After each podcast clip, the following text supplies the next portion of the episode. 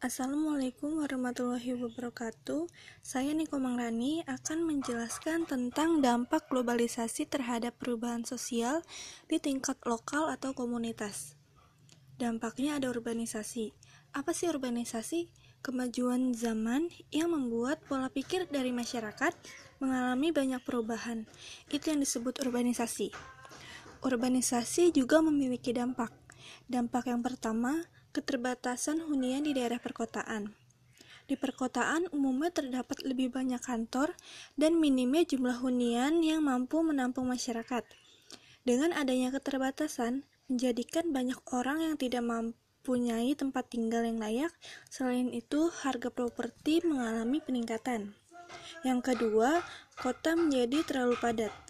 Di perkotaan sudah cukup padat tanpa adanya urbanisasi.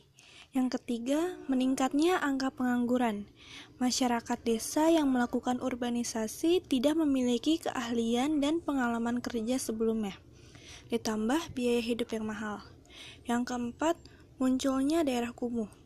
Karena minimnya tempat tinggal yang layak, masyarakat yang melakukan urbanisasi memilih membangun rumah di daerah bentaran sungai tanpa adanya izin pembangunan menjadi salah satu penyebab utama terjadinya banjir pada daerah perkotaan karena sungai yang harusnya memiliki fungsi untuk mengaliri, mengaliri air menjadi tercemar karena fungsi dari sungai yang sudah berubah ukurannya menjadi mengecil.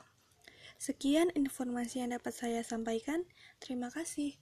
Wassalamualaikum warahmatullahi wabarakatuh.